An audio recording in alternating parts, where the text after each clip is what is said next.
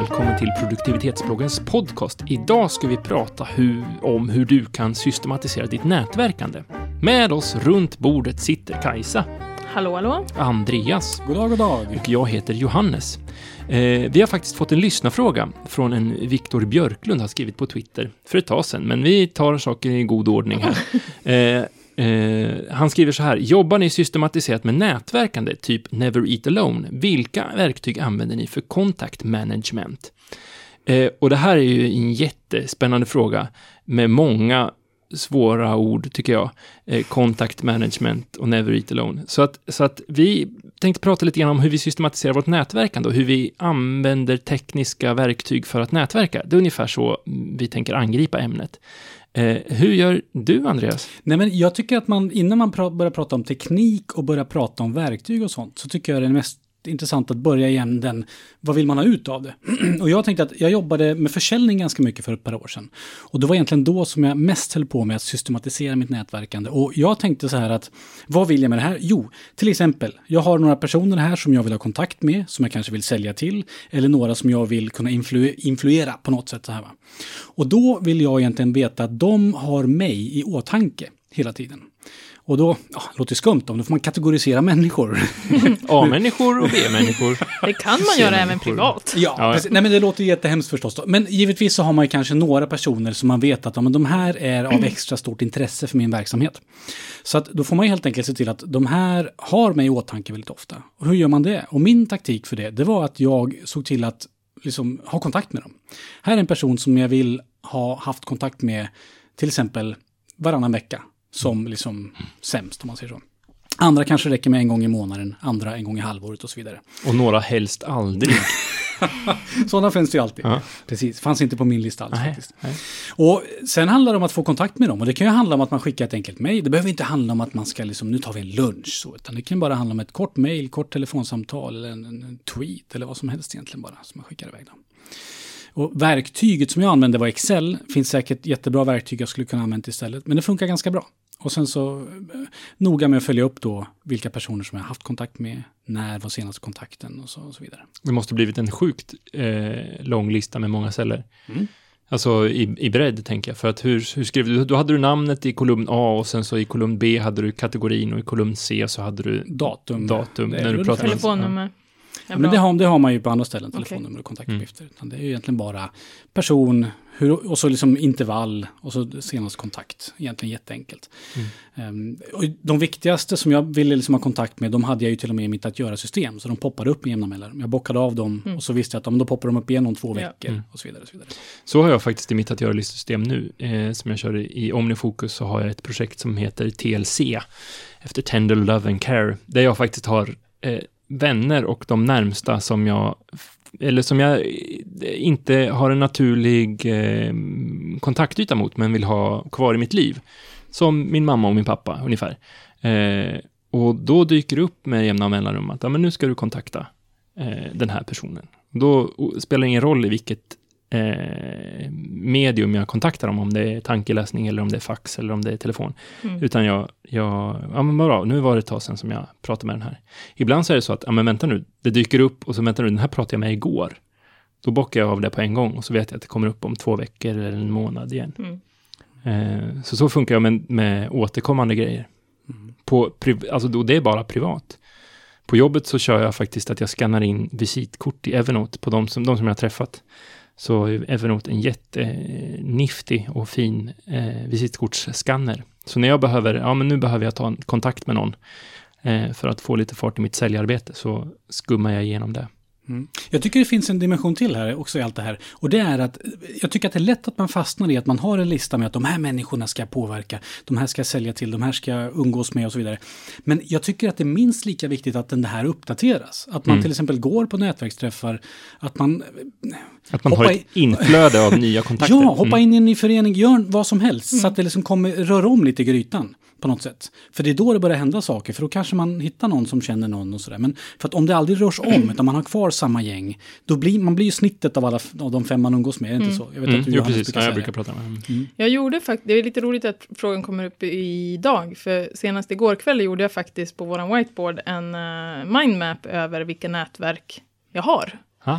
Eh, så vilka har jag idag? Och sen gjorde jag en till bubbla med eh, potentiella, för jag känner att jag behöver, jag skulle vilja ja. nätverka lite mer.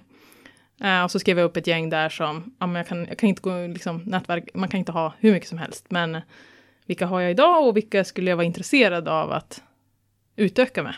I olika forum och så. Det var lite intressant. Ehm, sen eh, har jag tänkt att jag ska bygga upp någon form av strategi för hur jag ska liksom, underhålla det, för det blir ju, ett nätverk dör ju om man inte underhåller det. Mm. Och det, eh, det mest eh, luddiga nätverket som jag definierade var gamla kollegor.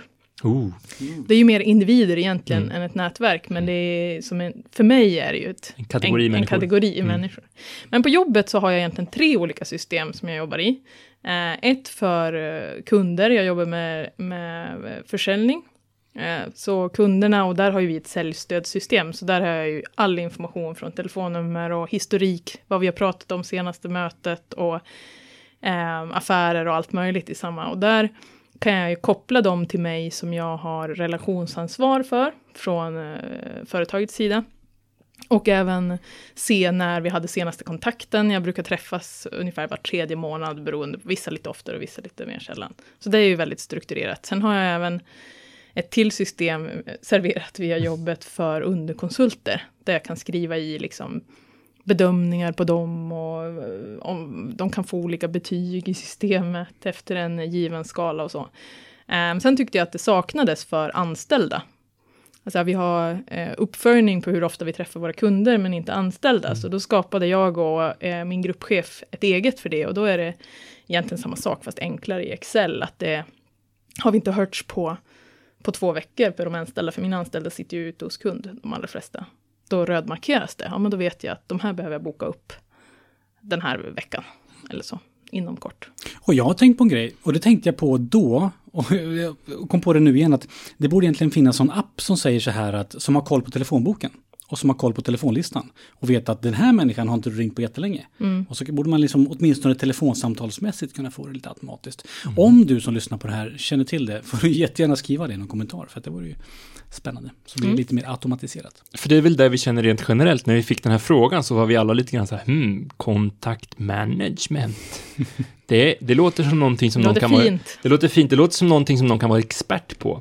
Doktorera i. Ja, förmodligen. Och eh, det här Never Eat Alone har jag faktiskt inte ens googlat, men det låter ju väldigt spännande. Det så låter ju som att man ska Ja. äta med, med andra människor. Ja, precis. Så jag skulle, vilja, jag skulle vilja säga att du som lyssnar på det här, om du är expert på contact management eh, och vill vara gäst i våran podcast och prata om nätverkande så får du jättegärna höra av dig till info.produktivitetsbloggen.se. Om du har en idé om hur, alltså vill rätta oss eller lägga till någonting till det vi har sagt så får du jättegärna mejla till oss på info.produktivitetsbloggen.se eller ännu hellre skriva till oss på Twitter där vi heter attprodbloggen. Eh, du kan hitta på en hashtag så att vi kan eh, följa den sen också.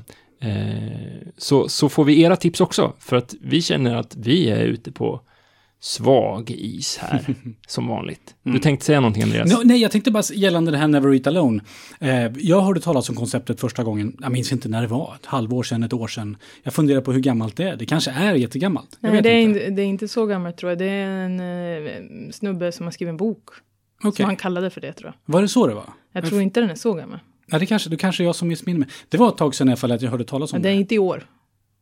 Okej. Så det beror på vad man definierar som gammalt. Nej, men då, och då, om jag har då förstått saken rätt så tricket är då helt enkelt att istället för att äta lunch själv så ser man alltid till att få något värde av lunchen. Alltså man ska träffa någon eller luncha med någon sådär.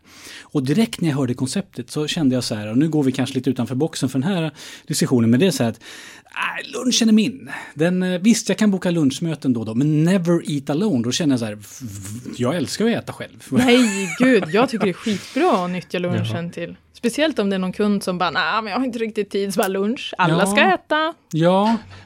Jag, Vad jobbig Jag du har- låter.